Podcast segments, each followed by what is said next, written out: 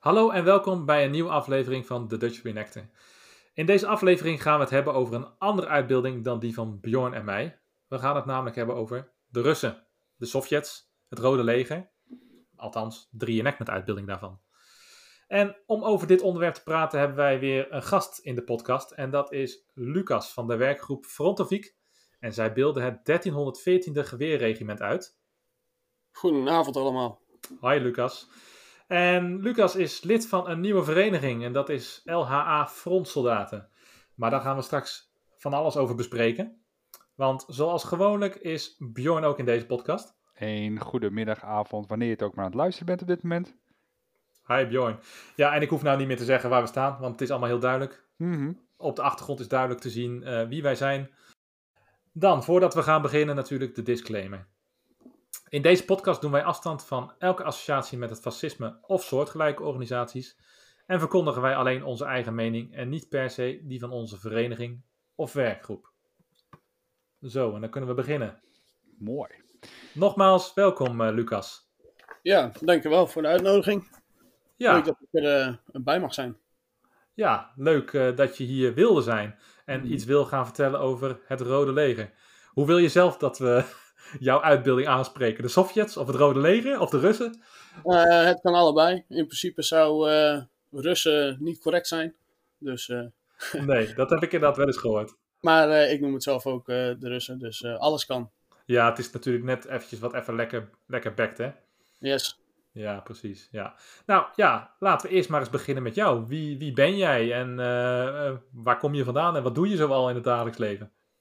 Nou, uh, ik ben Lucas. Ik uh, ben 20 jaar oud. Ik kom uit Friesland. Hey, Friesland.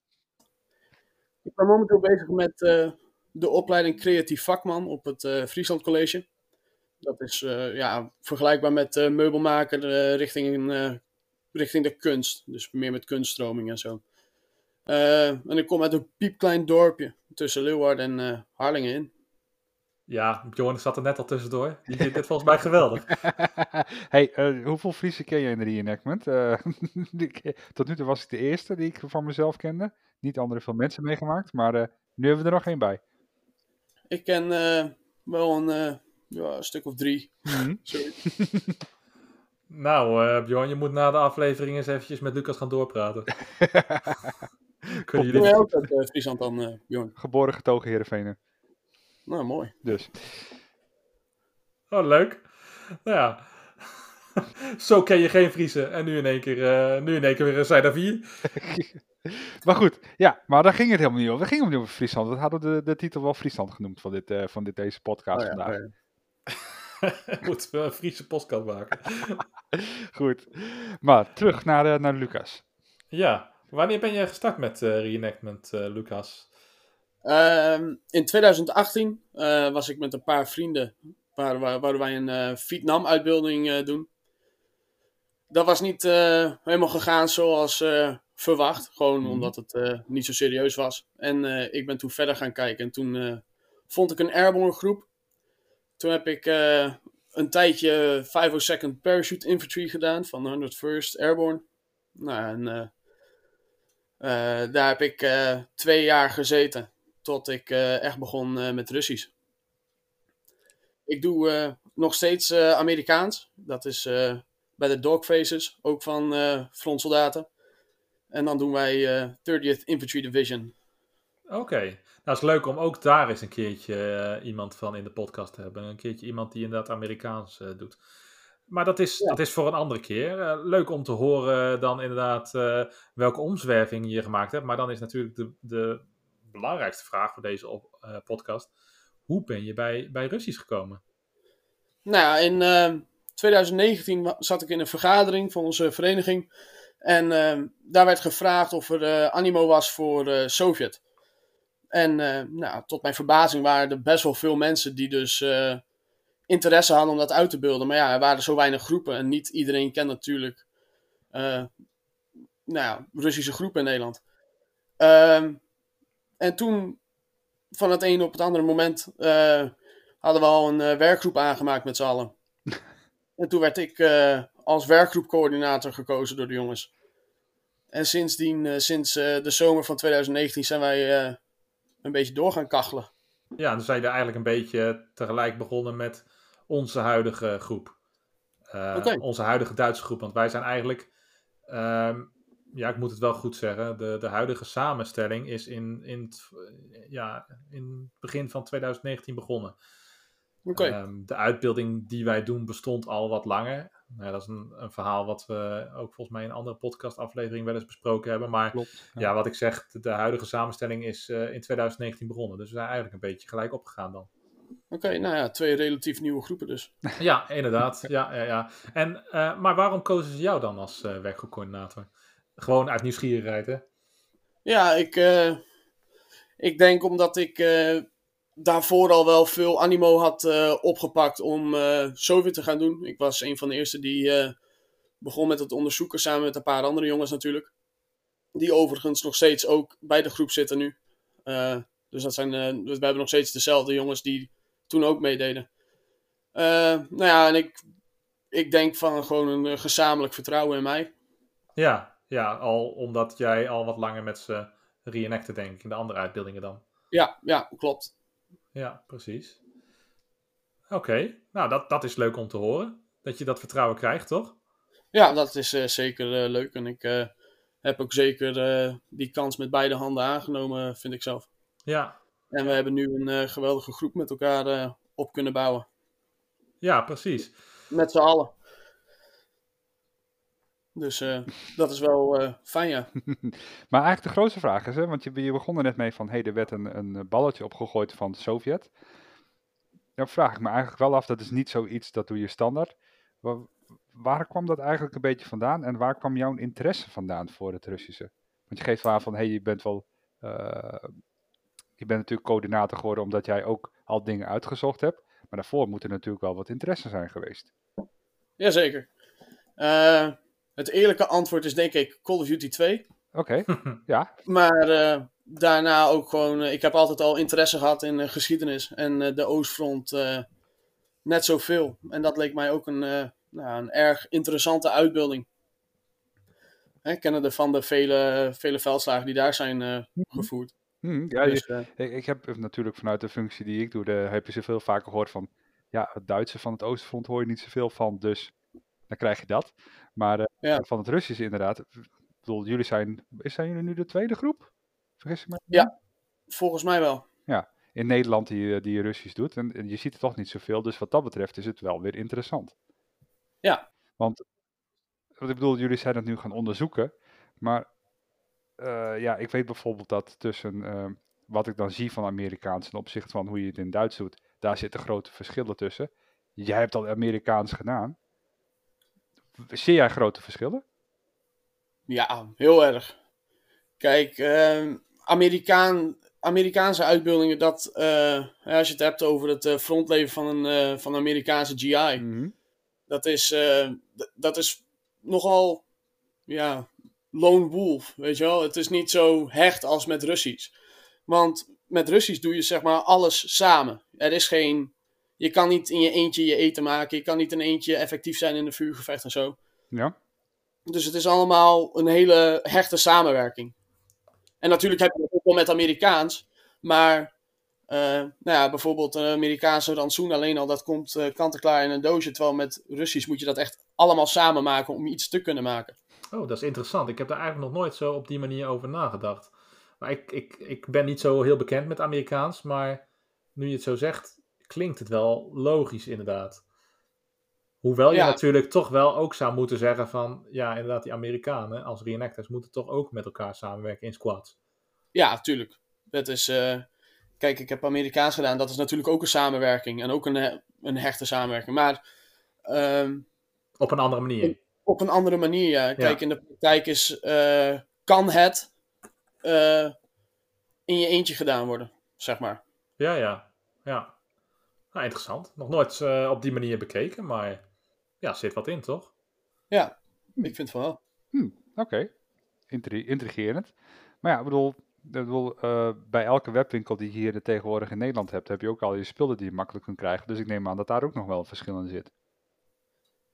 Je- ja, de, de aanbod van Russisch is ook steeds eh, veel groter. En dat zorgt ervoor dat er veel meer verzamelaars zijn. Ehm, en daardoor ook meer mensen die denken dan, nee, dat lijkt me ook wel interessant om te gaan reenacten. Maar- En dat hebben wij ook al zeker wel gemerkt. Bedoel je dat dan dat het, eh, je zegt het is wat groter, maar je bedoelt het is wat groter geworden of het was altijd al wat groter? Eh, het is groter geworden, zeker. Oké, Ehm, het is de, onlangs is het in eh, Amerika en in Engeland eh, ook eh, erg omhoog gegaan. En eh, dat begint nu ook een beetje over te woekeren hier naar, eh, naar Europa. Ja, ja, het was altijd een beetje onderbelicht en het is nu wat meer in opkomst dan. Ja, ja. En zou dat misschien ook niet zo zijn omdat de bestaande Duitse reenactors ook op zoek zijn naar een, naar een tegenstander? Voor Oostfront eh, evenementen? Ja, ik denk het wel. Wij hebben, die, wij hebben de groep opgericht vanuit bestaande leden van beide verenigingen, mijn vorige en de huidige. Ehm, en dus wij hebben heel veel dubbel leden die dus ook bijvoorbeeld Amerikaans doen of Duits, eh, die nu Russisch met ons doen. En dat doen ze ook deels omdat ze ook de tegenstander willen hebben. Ja, ja. Eh, en, En daardoor, daardoor kan de groep ook groeien. Snap je? Als zij, als zij erbij zijn, dan kan je meer leden werven als je meer leden hebt. Snap je? Dan heb je een groter, eh, groter beeld. ja, dan wordt het aantrekkelijker ook voor, Ja. voor nieuwe mensen. Ja, Ja, in plaats van dat het een klein clubje eh, vriend, vrienden van elkaar is, dan denken ze ook van, ja, ja precies. ja, ja, ja.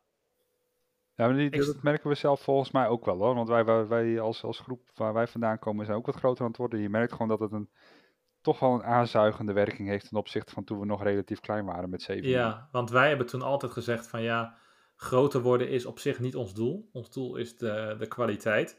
Maar je merkt dat zo'n groei op een gegeven moment, ik zou bijna zeggen exponentieel gaat. Op het moment dat jij groot bent, inderdaad, of groter wordt, dan, dan krijg je ook meer aanmeldingen. Zeker als je je marketing op orde hebt. Ja. ja, nee, dat klopt. Maar ik ben eigenlijk ook nieuwsgierig naar de specifieke eenheid eh, die jullie uitbeelden. Want we gaan zoals gewoonlijk in onze podcast kriskras door, eh, door wat we wilden bespreken heen. Tuurlijk. Hey. Maar ik ben altijd van de structuur, dus eh, ik grijp gewoon terug op, eh, op wat ik wilde bespreken eerder. Want eh, kun je eens vertellen over de eenheid? Ehm, ja, ik zei net al in de introductie 1314 geweerregiment. Eh, Ja. Ik zou zeggen, neem ons mee, want ik ben echt helemaal blanco als het op eh, Russische eenheden aankomt. Oké, nou. Eh, het is het 1314e eh geweerregiment van het 17e geweerdivisie. Eh, die eenheid die heeft voor de Grote Vaderlandse Oorlog, dat is hoe de oorlog van 1941 tot 45 bekend is in de voormalige Sovjet-republieken, Mhm. ehm, hebben ze deelgenomen in ehm, Finland. Oeh. Daarna eh, zijn ze in Barbarossa zijn ze, eh, bijna compleet vernietigd. Toen zijn ze in september 1941 weer opgericht als een volksmilitie. Eh, en dat is ook wel weer een heel interessant aspect. Ja, want wat houdt dat in, inderdaad? Volksmilitie, dat zijn ehm, organisaties van, van het Rode Leger die arbeiders en boeren eh, zeg maar, eh, in dienst nemen. Maar ook complete fabrieken. Dus dat zijn, nou ja, wat, hoeveel mensen werken in een fabriek? 250 man, Mhm. minimaal. Dus, en die werden allemaal naar het front gestuurd om daar bijvoorbeeld ehm, loopgraaf of eh, tankgeulen te maken. loopgraven, bunkers aan te, aan te leggen en zo. Ja, dus in één keer was je niet meer fabrieksarbeider, maar stond je te graven in, in Ja. een moeras ergens. Ja, precies. Ehm, nou, onze divisie eh, is daar, eh, was dat dus ook, een vol- eh, volksmilitie. Eh, die hebben tijdens de slag van Moskou als een eh, samengesprokkelde eenheid, bestaande uit arbeiders en boeren uit Moskou, de, Duitse, eh, de Duitsers afgeslagen in eh Spas-Deminsk. Wow, dat zegt me even helemaal niks. Ik ga wel in deze podcast een kaartje toevoegen. zodat zodat de mensen ook weten waar dat ligt. Ja, nee, dat is wel goed. Eh, dat is ehm, net onder Moskou. Dat is waar de Duitsers zijn afgeslagen tijdens eh, hun opmars naar Moskou in 1941. Ja, oké, oké. Ehm, maar even, even samenvattend dus. Eerst heeft 1314e heeft in Finland gediend. Toen bij Barbarossa zijn ze op de terugtocht gegaan en vernietigd. Nog even, waar, waar zijn ze vernietigd? Weet je dat? Uh, waar precies weet ik niet, zo uit mijn hoofd. Oké, oké. Nou, dat houden we dan nog even te goed. Um, maar toen zijn ze uit elkaar geslagen en toen opnieuw opgericht als volksmilitie vanuit ja. fabrieksarbeiders vanuit Moskou. Ja. Ja, en toen zijn ze tank tankgeulen gaan graven, maar tegelijkertijd ook ingezet als um, een soort bijeengesprokkelde eenheid om de Duitsers tegen te houden.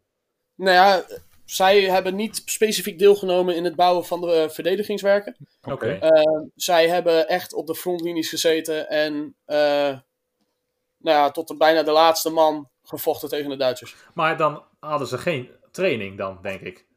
Ze hadden een hele korte training. Ja, ja wat, wat, wat moet je dan denken? Nou ja, het was al niet lang dat een uh, normale Rode Leger uh, militair een opleiding uh, had. Dus, nou, reken maar een week. Oh, ja, maximaal. dat is wel kort, ja. dat is wel kort, ja. Dat is toch naar als je gewoon fabrieksarbeider bent. Je wordt daar in één keer weggetrokken, een weekje training en dan sta je in één keer aan het front. Ja, het is natuurlijk niet ideaal, nee, maar het was ook een, um, ja, een trotse een trotse eenheid. Ja. Zij waren de verdedigers van het volk. En zij waren het volk. Ja, ja, nou ja, dat is dan natuurlijk wel waar. Ik bedoel, iedereen moet zijn uh, een steentje bijdragen, zou ik zeggen dan, hè? Ja, en zeker iedereen in uh, de Sovjet-Unie heeft dat ook zeker gedaan. Hmm. Ja, en dat was natuurlijk ook wel een beetje de ideologie die erachter zat. Ja. Ja, maar hoe gaat dat dan verder? Want uh, dat, dat beelden jullie uit. hoe, Ja. ging, hoe gingen zij verder vanuit Moskou toen zij de Duitsers tegengehouden hadden? Mede tegengehouden Ja. hadden. Had- Hadden ze veel verliezen? Ja, volgens mij hadden alle Russische eenheden heel veel verliezen, toch? Ja, dus, eh, de, onze eenheid had, eh, was daar ook wederom bijna vernietigd. Ehm, toen zijn ze van uh, Spasdjeminsk langs de Nara-rivier getrokken. En daar waren ze deel van de St Stremilovski-linie. Ehm, daarna hadden ze enige tijd herstel. Eh, en toen werden ze ingezet als reserves op het front. En in de zomer van 1943, tijdens de slag van Kursk, had de 17e uh, gewerendivisie, dus dit, nu zijn ze een officiële divisie, Ja. Ja. ehm, hadden ze de stad van Oriol bevrijd. Dus ze werden eigenlijk omgevormd tot dan inderdaad weer officiële soldaten eigenlijk. Ja. Oké, en hebben ze in die tussentijd nog training gehad of was het gewoon echt wat ze aan het front geleerd hadden? Nee, ze hadden nog eh, training gehad. Oké, dat dan weer wel. Ja, ze zijn, eh, in de tussentijd zijn ze opgeleid terwijl zij eh, nieuwe versterkingen kregen. Want we spreken hier over nou ja, bijna heel 1942 dat ze weinig eh, activiteiten hadden. En hoe zit het dan met de uniformering en uitrustingstukken? Want wat voor uniformering hadden ze toen ze volksmilitie waren? Kregen ze gewoon uniformen uitgereikt of was dat echt gewoon eh, burgerkleding? Eh, het was voornamelijk burgerkleding. Ja, en dat, werd, dat veranderde toen ze een officiële... Ja, Staatskleding. daarna hebben zij, ze hebben zij, zijn ze compleet uitgerust. Eh, en eh, zijn ze gewoon een echte geweerdivisie geworden. Helemaal klaargestoomd voor, voor, voor Koersk en eh, daar weer Orel in te nemen. En Vanuit, wat hebben ze vanuit daar dan gedaan? Ehm, daarna zijn ze doorgetrokken door, naar Smolensk. Mhm. Dat hebben ze bevrijd in oktober van eh, 1943. En in de zomer van 1944 was het 17e deel van Operation Bagration. Ehm, daar heeft onze divisie een best wel grote indruk achtergelaten. Eh, want in het zuidoosten van Wit-Rusland, eh, bij de stad van Bobruisk, had onze divisie eh, dusdanig hard gevochten. Ehm, waardoor zij de eretitel 17th Rifle Bobruisk ehm, Rode Vaandel divisie kregen. In plaats van alleen Rifle Division. Ja, dus dat was eigenlijk een, een toevoeging, een eretoevoeging die zij kregen. Ja. Want als ik het altijd goed begrepen heb, dan werden onderscheidingen in het Rode Leger werden collectief uitgedeeld, toch? Ehm, ja, nou niet, niet, niet per se allemaal, maar bijvoorbeeld de hoge, de hele hoge, bijvoorbeeld Order of the Red Banner, ehm, die wordt wel, ehm, die wordt op de eh, vaandel gezet, zeg maar. Ja, oké. Dus bijvoorbeeld als jij heel veel eh, hoge onderscheidingen hebt, in jouw divisie of in jouw eenheid, dan wordt dat toegevoegd daaraan. Oh, oké. Dus dat is ook echt afhankelijk van wel de individuele soldaten die onderscheiding halen. En Ja. als er daar genoeg van zijn, dan, dan krijgen ze zo'n extra status, zeg maar. Ja, volgens mij wel. Kijk, dat zijn nou dingen die ik als Duitse reenactor altijd ergens vaag wel gehoord heb, maar nooit precies heb geweten van hoe het nou echt in elkaar zit.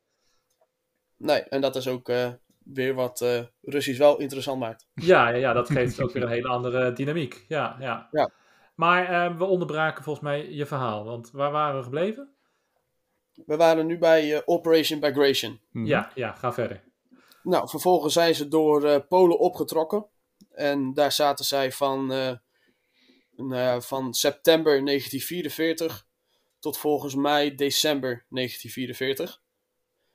Ehm, waarna zij opgetrokken zijn naar Oost-Pruisen.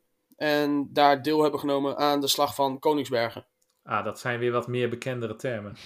Ja, nu weet ik wel ongeveer waar je, waar je je op de kaart bevindt. yes. Oké, ja, en toen? En eh, vervolgens hebben zij nog eh, in ehm, Oost-Pruisen gezeten. Tot het einde van de oorlog. Oké, zijn ze daar gebleven? Ja, daar hebben ze de oorlog eh, beëindigd. Ja, ja, precies. Dus ze hebben niet meer deelgenomen aan eh, het verdere offensief in Duitsland. Eh, nee, niet aan grootschalige operaties, nee. Nee, nee, precies. Oké, nou dat is dan dus inderdaad kort even het verhaal van de 1314e geweerregiment. Eh, dat is eigenlijk een, een vrij brede geschiedenis. Is dat ook wat jullie met Frontoviek uitbeelden? Of ja, waar richten jullie je specifiek op? Of richten jullie je op de hele geschiedenis? Ehm, momenteel is het voor ons. ehm, leggen wij de focus op 1944-45. Ja. Dat komt omdat. Nou, ja, we zijn in Nederland en de meeste Duitsers die nu Oostfront kunnen doen. eh, zitten ook richting dat tijdperk. Mhm. Ehm, maar wij hebben wel zeker de interesse om eh, verder te gaan. Ja, Ja. Dus, eh, of nou ja, terug verder te gaan. Naar de niet zo goede tijden van, de, van het regiment die ze meegemaakt hebben. Ja, precies. Door eh, nou ja, de 1943, dat, eh, dat vereist weer net een ander uniform. En eh 1942, 41 ook. ja. Dus vandaar dat wij nog niet eh, de hele oorlog hebben. Want wij, nou, ja, we zijn een relatief nieuwe groep. Ja, ik snap ook wel dat je inderdaad dan op het meest gebruikte gaat focussen in eerste instantie. Ja, Eh, maar dat is inderdaad ook gelijk eh, eh, een van mijn volgende vragen. Van inderdaad, zitten er veel verschillen in die, die uniformen? Nou ja, jij geeft eigenlijk het antwoord al weg. Blijkbaar wel dus. Kun, je- kun je daar een voorbeeld van noemen? Waar, waar, wat is iets wat gelijk in het oog springt als je kijkt naar een Russisch soldaat uit 1940 en een Russisch soldaat uit pakweg 1944? nou, in 1941 stonden ze natuurlijk bekend voor de, de felrode kleuren die nog veel eh, in gebruik waren. Ehm, ze hadden de raspberry ehm, kraagstukken. Mhm. Ze hadden de SSH-36 helmen met de felrode sterren erop. Eh, ze droegen nog eh, hun medailles in het veld. Burgermedailles bijvoorbeeld, zoals eh, sportbadges of shooting competitions. Dus dat, dat valt wel heel erg op. Maar wat ook opvalt is de... In 1941 waren ze zoveel beter uitgerust. Ze hadden daadwerkelijke rugzakken vergelijkbaar met de eh, Duitse Tornister. Ze hadden ehm, twee munitietasjes bijvoorbeeld, heel veel leerwerk, eh, echte leren schoenen eh, en laarzen. En als je kijkt naar 1944, 45, dan zie je dat ehm, bijna alles is overgegaan naar stof. Ehm, de rugzak is nu een jute zak met een, eh, met een riem eraan, waar je een knoop in moet leggen om hem te dragen. Ehm, als je kijkt naar eh, uniform, er zijn veel, veel meer verschillende kleuren. Mhm. Het is eh, ook anders. Want het uniform in 1944, 45 is meer zoals het ehm Tsarenleger was. Met een opstaande kraag en brede schouderstukken. Ehm, een echt uniform van het platteland, van de boeren. Ja, en je kan dan denk ik dus ook wel zeggen dat de, het Russische leger en de Russische samenleving natuurlijk ook best wel wat te lijden heeft gehad onder de oorlog. En daarom misschien inderdaad wel, net zoals de Duitsers, eh versoberingen hebben doorgevoerd in de uniformering. Ja, zeker. Oké, dus dat is dan dus daar inderdaad ook te zien. Maar ik vond het wel grappig dat je eigenlijk opmerkte van dat ze in het begin ook nog heel veel Duitse spullen hadden. Want in 1940 waren we natuurlijk vriendjes, hè? Ja, En werd volgens mij een deel van het Rode Leger ook mede opgeleid door Duitse invloeden. eh, zover ik weet waren, ehm, waren er tank... eh, ja, hoe noem je dat? Exercities. Mhm. tankdivisie exercities in de jaren 30. Eh, en ik denk wel dat daar veel dingen van zijn overgenomen. Qua Ja. helmontwerp, qua rugzakontwerp. Want bijna alles wat, alle grote modernisaties van het leger, was in de, van mid tot eind jaren 30, vond dat plaats. Ja, ja.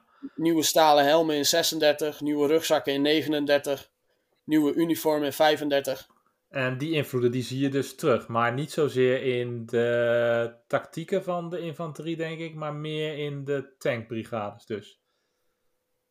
Ehm, nou, dat is, nee, het is algemeen opgepakt door, door het hele leger. Oké, want één, één verhaal wil ik daar nog wel aan over vertellen. Dat is ooit mij ter oren gekomen. En ik heb geen bronvermelding meer. Ik weet niet meer waar ik het verhaal opgepikt heb. Maar mij is ooit een keertje ter oren gekomen dat ehm, in het begin van de Tweede Wereldoorlog, dus toen de Sovjets en de, de Duitsers eh, nog een, een niet-aanvalsverdrag hadden, dat ze toen een Russische delegatie uitgenodigd hebben naar Duitsland om te komen kijken naar hun eh, tankeenheden. Dus de Duitsers nodigden de Russen uit. En die kwamen dan kijken naar die tankeenheden. En dat de, de Russen dachten dat de Duitsers iets verborgen hielden, omdat ze helemaal niet onder de indruk waren van de Duitse tankeenheden. omdat ze in Rusland al waarschijnlijk iets bezig waren met de T-34 of zoiets. Daar waren ze vast al veel verder dan wat de Duitsers in het begin eh, rond die tijd eh, voor de neus hadden staan. Nou ja, blijkbaar dan. Want ik denk dat dat een beetje de tijd geweest is dat eh, in Duitsland nog de Panzer 1 en 2 eh, tanks rondreden. Mhm. Hooguit misschien een keertje een Panzer 3 en dat gewoon de Russen niet onder de indruk waren. Klinkt jou dat bekend, dat verhaal, Lucas? Of, eh, Nee, ik ben niet bekend met dat verhaal, maar ja, dat zou, dat zou best wel eens kunnen. Ja, ja, dat is dan toch grappig. Maar je, je merkt dus in ieder geval wel flink wat eh, eh, Duitse invloeden ook in eh, de Russische uitbeelding dus. Ja, voor vroege oorlogs wel. En in 1944, 45 dan is er echt een Russische symboliek gekomen in eh, de uniformering. Ja, en zijn ze dus eigenlijk steeds meer op eigen, op eigen benen gaan staan. Ja, ja, je hebt veel meer iconische ehm, kledingstukken zoals bijvoorbeeld de hè, de, de, het shirt wat je draagt. Ja. Dat is een echt typisch eh boerenshirt, een werkshirt. En eh, in 1941 bijvoorbeeld was dat uniform helemaal niet zo. Ehm, dus het waren, zeg maar, zoals in een boek vermeld staat, eh The Stuff of Soldiers. Het voelde als een vreemdelingenleger. En ehm, wel niet bekend met het volk, want ze, ze leken niet op het volk. En eh, een quote is dan bijvoorbeeld: In 1942 was de slag van Stalingrad. En een ehm, kapotgeslagen leger. daar begonnen ze mee in september 42. Ja. En een, eh, nou ja, een superleger is eh, geëindigd met die oorlog of met die slag in 1943. Ja, ja, ja, ja dat, dat gewoon echt veel sterker was. Ja, ja, precies. Ik, eh, ik snap wat je bedoelt, ja. Ehm, en nou, nou hebben we het dus eigenlijk heel veel over eh, de eenheid gehad. Ik vraag me trouwens wel af, heb jij, hebben jullie veel foto's van jullie eenheid? Werden er überhaupt Eh. veel foto's gemaakt van Russische eenheden? Eh, ik, ik kijk er eigenlijk nooit naar als Duitse reenactor. Nou ja, er zijn niet heel veel eh, vermeldingen meer van welke eenheden het zijn. Wel, vaak wel welk front. Mhm. Want je hebt hele grote legers samen eh, met heel veel divisies. Dus het is niet allemaal goed gedocumenteerd. Ehm, wij weten van een paar foto's. Wij hebben een hele grote uitbundige fotoseries van, de, eh, van hun volksmilitietijd. Van, en dat is een fotoseries van dat ze uit de stad marcheren. Totdat ze met z'n allen op de fiets richting een bos zitten te gaan. eh, net buiten Moskou. K- Kunnen, Eh. mogen, mogen wij die foto's hier in de podcast laten zien? Eh, ja, zeker. Oké. Ik, eh, ik zal ze straks wel even voor jullie opzoeken. Ja, precies. Nou, vert- vertel En, verder. Dan, dan laat ik inderdaad, terwijl jij dit vertelt, laat ik de foto's dan voorbij komen op de podcast. Dus dan kan jij er gewoon over vertellen. Ja, eh, foto's van eh, dat ze voor een kanon staan, dat ze uitleg krijgen tot waar ze hun geweren uitgereikt krijgen. Ehm, dus dat zijn, dat zijn een paar foto's. Eh, maar ook ehm, dat een groep militairen in 1943 zit te eten of eh, koffie zit te drinken met een, volgens mij was het een kolonel. En het interessante van die foto is dat ehm, het valt op dat er heel veel ehm, meer Aziatische etniciteiten aanwezig zijn in, in die groepsfoto. ehm, dan dat je zou verwachten. Oké, ja, want je zou denken dat ze voornamelijk uit Moskou zouden komen dan, of niet? Ja, Is dat ook niet een punt van het feit dat er in film en, en fotogra- fotografisch beeld, wat er de, eh, de afgelopen jaren is uitgebracht, dat dat ook meer gefocust heeft op het westelijke deel van Rusland? Want je hebt natuurlijk Rusland de hele grote stukken die er onderin zitten, Georgië, tot aan eh, Mongolië aan toe. Mongolië hoort er natuurlijk niet bij, maar je hebt daar al die staten die ertussen zitten, waarvan sommige ik natuurlijk niet uit kan spreken. nee. Maar dat zijn natuurlijk ook allemaal eh eh, Aziatisch uiterlijke die je dan hebt. Ja, ja klopt. Het zijn.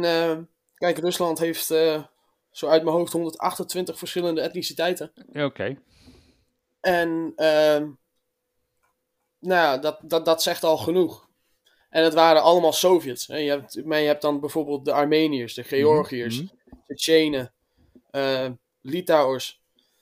Al die mensen die net eh, deel waren van de Sovjet-Unie, al die republieken, die vochten natuurlijk ook mee. Ja, dus dat is heel breed. Ja, het is ontzettend breed. Ja, maar dat werd dus ook gewoon gemixt. Ja, en dat, waren, dat was ook waar eh, deel van de problemen kwamen van, eh, van, van toen. Want, kijk, een eh, Sovjet uit uh, Tsjetsjenië is bijvoorbeeld een moslim. En een Sovjet uit eh, eh, Sint-Petersburg is bijvoorbeeld eh, een hele fanatieke communist. Snap je? Die, maar die zitten samen in één loopgraaf. Ja, Dus dat zijn hele verschillende werelden, hele verschillende culturen die zeg maar samen mixten. ja, ja, oké. Ook weer iets waar ik nog nooit bij stilgestaan heb. Maar wat inderdaad een probleem is waar je pas tegenaan loopt. Of ja, probleem. Dus aanhalingstekens. Als je inderdaad zo'n uitbeelding zou doen. Eh, ja, maar het, het is natuurlijk ook wel deel in ons voordeel. Ja, ja, ja. Want je Want- kunt gewoon meer mensen aantrekken. eh, Ja, ja. precies. Want, want bijvoorbeeld hoe in andere uitbeeldingen ehm, sommige mensen sommige dingen niet kunnen, kan dat wel weer bijvoorbeeld bij Sovjet. En daardoor heb je meer mensen die misschien die overstap willen maken. Ja. Absoluut. En, en hoe kijken jullie dan tegen vrouwen aan? Eh, vrouwen ook. Wij hebben momenteel eh, één vrouw in de groep. Ehm, en die zit nu met ons gewoon in het veld. Ehm, en wij wachten tot wij wat meer vrouwen krijgen. Zodat zij ook kunnen aftakken. Ja, En me- een vrouweneenheid bijvoorbeeld kunnen doen. ik vind dat geweldig eigenlijk, dat dat kan. Maar is, Ja. dat, is dat ook historisch correct? Was het ook zo dat vrouwen gemixt werden met de mannen? Ja, Oké. dat, is, dat, dat zag je wel voorkomen. Ja, nou, dus als er ook vrouwen naar deze podcast luisteren, sluit je aan bij de Russen, zou ik zeggen. Zeker weten. Want dat is de enige plek waar je eigenlijk terecht kan met een echte gevechtsuitbeelding. Ja, ik denk het wel. Want kijk, eh, in de Sovjet-Unie was het zo. ehm, het maakte niet uit wie je was. Je was een Sovjet. Eh, of je nou een man of een vrouw was, een moslim of een orthodox. Eh, het maakte niet uit.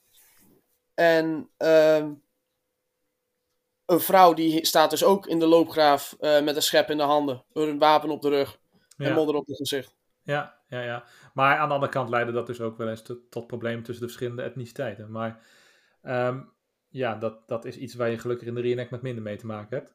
Dat Ja, dat weer, wel. ja.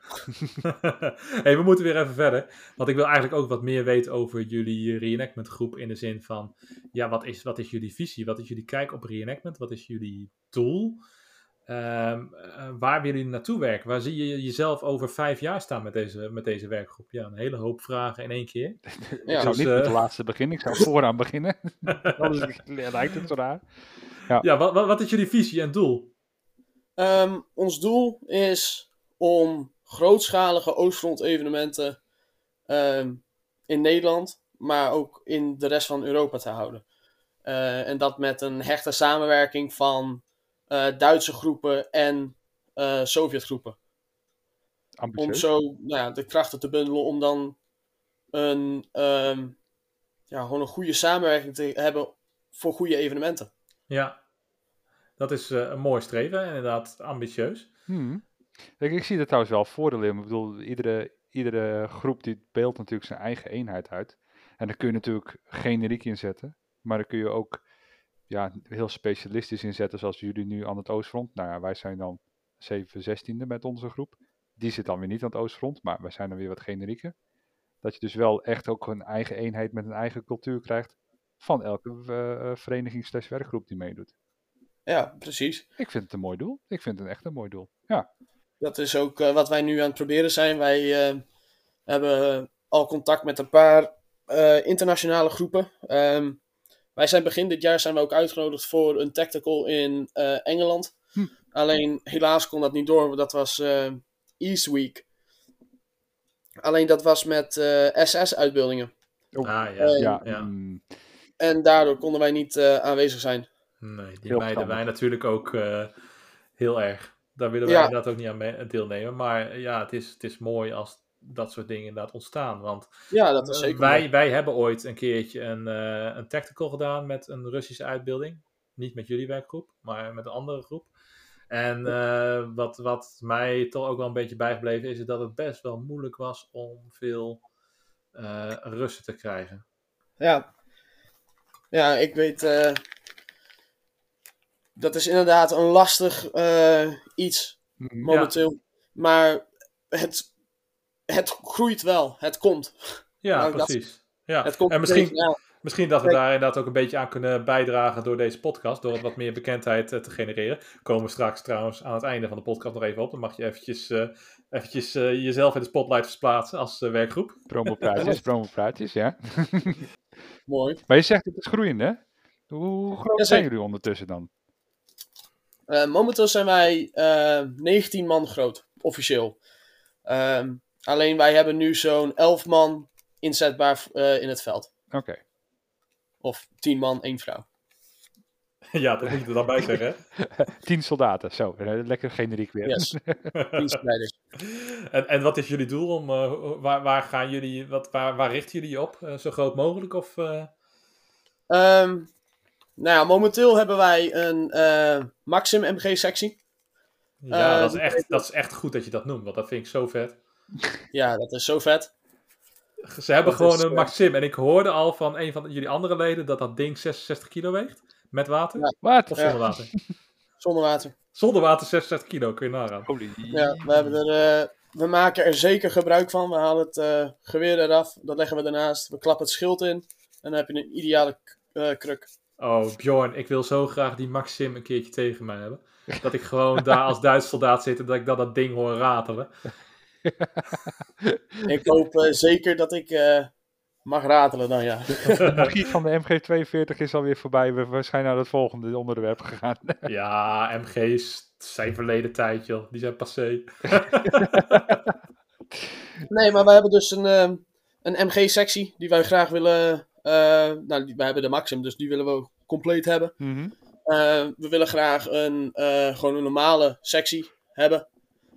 Um, en ja, als we daarna doorgroeien, dan is dat altijd mogelijk. Ja, ja inderdaad. En dan het steeds authentieke opzetten met authentieke bevelstructuur, neem ik aan. Ja, ja precies. precies. Ja. Als we eventuele grootte hebben, dan uh, weer heel vaste aanwezigheid. Dat we dan uh, bijvoorbeeld een officier in kunnen zetten of nog een extra squad. Hm. Precies, ja. En misschien uiteindelijk zelfs dan ook een extra uitbeelding. Ja, want... zoals, zoals pionieren. Dat is iets wat uh, ons wel mooi lijkt. Okay. we hebben een paar man die interesse hebben in um, marine. Oh ja, met die streepjes shirt. ja. Oh, dan moet ik mijn kast maar even dicht houden, want die zit echt ook vol met authentieke Russische streepjes shirts. Oké, okay, oh, we hebben hier dus gewoon een spion. Oeps, ik heb niks gezegd. Straks loopt hij over naar jullie. De deur staat open. ja, nou Bjorn, je weet het. Ik, ik heb ben, je, ben je een echte rust. Ja, dan kan ik gelijk mijn bankrekening leeggooien. Hey. ja. ja, we moeten weer verder. Want ik, ja. ik wil nog één, één ding snel... Die, die, die Maxim, daar ben ik gewoon echt van ons te boven. Is het echt munitie daarvoor duur? Um, momenteel zitten wij op 70 cent per schot. Wow, Messing. wow. Oké. Maar die patronen die knallen. Hard. Ja, Echt heel hard. dus jij wil zeggen, ik hoef maar twee keer te schieten en je bent weg. Ja, die, die knallen echt hard. Die wil je, daar wil je niet lang mee schieten. Oké. Maar eh, we hebben, onderhand hebben wij ehm, een internationale eh bevoorrader kunnen vinden van beter werkende patronen. Net zulke harde knallen. Ehm, en veel goedkoper voor 30 cent per schot. Aha, dat scheelt. Messing. Kun je meer Duitsers afknallen. Meer lol. Ja, precies. Maar we moeten echt, we moeten echt door, want de tijd, de tijd dringt. En, maar ik draag hem toch aan jou over, Bjorn. Want we gaan het nu even een stukje hebben over hoe het publiek reageert eh, op jullie Hmm. eh, uitbeelding. En ik denk dat Bjorn daar wel de aangewezen persoon voor is om eh, Nou ja, daar eens met jou over te praten. ik, ik vind het wel interessant, want kijk, we weten natuurlijk wat wij doen eh, kan heel gevoelig liggen. Nou, we moeten ik even afkloppen. Even zien hoor. Ik heb hier een houten tafel staan, dus dat kan mooi. ik Ehm, hoorde hem nauwelijks, maar misschien kan ik hem in de nabewerking wat harder zetten. Helemaal goed. Maar eh, eh, hebben jullie daar ook last van? Want ik bedoel, ik kan me voorstellen, het Rode Leger, het, het heeft natuurlijk door de Koude Oorlog heen eh, een niet zo goede naam gehad. We weten ook dat ze best, in het, vooral ook in het begin van de oorlog, eh, best nog wel wat dingen gedaan hebben. Ik zeg eh, eh, Oost-Polen. Hebben jullie daar dan ook van het publiek uit opmerkingen van of wat dan ook? Ja, enigszins wel. Vooral eh, de oudere bezoekers, Ja. die eh, kijken vaak wat kritischer. Ehm, maar in het algemeen zijn mensen best wel positief. Dus ehm, we krijgen heel veel positieve en enthousiaste opmerkingen van bezoekers Mhm. eh, over de Russen. Want kijk, heel veel mensen bijvoorbeeld in Brabant, die gaan best wel vaak naar zulke reenactments. En die zien altijd dezelfde. Die Ja. zien altijd de Britten, de Duitsers en de Amerikanen. En dan krijg je vaak de opmerking, ik heb nog nooit een Rus zo gezien. dat, dat is dan weer een positief iets, ja. Dat is, een, dat is hartstikke positief. We, we laten een indruk achter op het publiek. En dat maakt het ook weer zo leuk. Het is zo'n unieke, unieke uitbeelding. En eh, tot nu toe hebben we daar niet veel negativiteit eh, over hoeven te ontvangen. Oké, nou je zei in het begin van, eh, van dat de, de ouderen er wel wat over zeggen. Dan ben ik toch heel even nu... Niks is leuker dan af en toe eens naar de negatieve dingen kijken. Zo zijn we Nederlanders. Maar wat, wat, wat voor opmerkingen komen er dan wel voorbij? Nou ja, we hadden bijvoorbeeld op vorig evenement waren een paar eh, mannen die, eh, die keken wel eh, wat vies naar ons. oh, dat valt dus weer onder de categorie van... we weten niet wat we ermee moeten. Dan kijken we maar heel moeilijk en dan zeggen we maar lekker niks. Ja, Oké, die, die kennen wij ook wel wat dat betreft. ja dat denk ik wel, ja. Maar goed, eh, maar, en ook van mede-reenactors krijg je daar ook wel eens opmerkingen van? Of, eh? Ja, zeker. Je hebt eh, heel veel mensen ehm, die vinden Russisch niet kunnen. Oké, Ehm, of nou ja, Sovjet niet kunnen. Ehm, dat, dat, dat komt natuurlijk wel met logische redenen. Alleen, net zoals met Duits. Weet je, het, het, is een, het is een hele andere situatie. ja, klopt. Maar dan Dus- ben ik wel nieuwsgierig, wa- waarom vindt men dan dat het niet kan? Even gewoon uit pure nieuwsgierigheid. Nou ja, heel veel mensen associëren elke Rus met eh, alle verschrikkelijke oorlogsmisdaden die zijn gepleegd daar. Ja, de, de verkrachting op het einde van de oorlog en zo. En inderdaad, Ja, wat. Bjorn net aanhaalde, de, de, moord, de moorden bij Katyn, was het volgens mij? Ja, Katjen. Ja, Ja, ja. Nou, ik, ik sta er toch erg wel van te kijken dat dat eh, naar voren gebracht wordt. Ook omdat de Duitsers dat eigenlijk de laatste tijd niet meer zo krijgen van mede-reenactors. Ja, misschien zijn mensen gewend geraakt aan Duits en, en kunnen ze het nu gaan afreageren op, eh, op Russisch. Maar inderdaad, ik vind dat als je, als je oké bent met Duits, waar toch ook wel best wel wat oorlogsmisdaden gepleegd zijn, eh, dan vind ik ook, moet je ook oké zijn met Russisch. Dat zeg Ik wel heel erg bedoel- understated eh, ook wel wat. Het is, eh, het is erg dubbel. Ja, maar de- we- we- we- dan hebben we wel een andere vraag. Krijg je er ook heel veel vooroordelen dan naar je toe gegooid? Want eh, ik, als ik, eens, eh, laat ik even zo zeggen. Vanuit de opinie, die je natuurlijk, voordat je erin verdiept, voordat je meer in de geschiedenis van de, van de oorlog verdiept, heb je natuurlijk altijd, de Rus was, dat waren heel veel tegenover een klein groepje Duitsers. Ik, ik chargeer even, hè. ik zeg het even heel erg overdreven. Je had een kleine groep trotse Duitsers die aanvielen. En dan had je een heel groot, dom Russisch leger, wat niet wist wat ze moesten doen. En het enige wat ze kenden was naar voren rennen en, eh, en neergeknald worden. En pas later in de oorlog waren er, waren er nog minder Duitsers en daardoor hebben de Russen gewonnen. Nou weten we ondertussen dat dat niet waar is. Maar zijn het ook van die dingen, vooroordelen waar je mee te maken krijgt? Ja, je hebt eh, heel veel mensen die, eh, die dat inderdaad nog steeds denken. Bijvoorbeeld met wat jij zegt over minimaal of met zoveel overmacht. Ja, Mhm. dat, dat, dat klopt. Nou ja, je hebt natuurlijk heel veel mensen die dat eh, inderdaad nog steeds denken. Mhm. Ehm, alleen wij proberen dus te laten zien en het, eh, de mensen zeg maar wel te leren. eh, of nou, voor te doen dat het niet zo was. Ja, Snap je? Dat het, dat het anders ging vroeger. oké. Eh, Dan- ook gewoon, gewoon, gewoon de echte mensen even onderwijzen van jongens. Laat ik het zo zeggen. Ik weet ondertussen dat het niet zo was, want ik heb van, van een aantal hele interessante geschiedenis-YouTubers meegekregen dat het eigenlijk andersom was. Vooral in het begin van de oorlog was er een overvloed aan Duitsers ten opzichte van Russen. Ehm, sterker nog, pas tegen het einde van de oorlog was er een overvloed van Russen tegenover Duitsers. De rest van de tijd heeft het een beetje gelijk gestaan. Dus al die mythes die wij ook kennen van de Duitsers, die dan zogenaamd veel sterker waren, dat is ook helemaal niet zo. Dat heeft allemaal veel dichter bij elkaar gelegen. Maar ik vind het wel fijn dat jullie dat ook de kans kunnen krijgen om dat te laten zien en dat het ook eh, bij het algemene publiek neer te kunnen leggen. Ja, dat is zeker een goede zaak. Kijk, eh, het is alleen maar mooi dat mensen meer weten over de Sovjets. Mhm. Kijk, het is, eh, het is deel van geschiedenis en het is altijd mooi om, dat, eh, om mensen daar wat. eh, ja, Ja, ja, ik ben het er helemaal mee eens. Ik vind, ik vind ook het verhaal moet ook verteld worden zoals het is.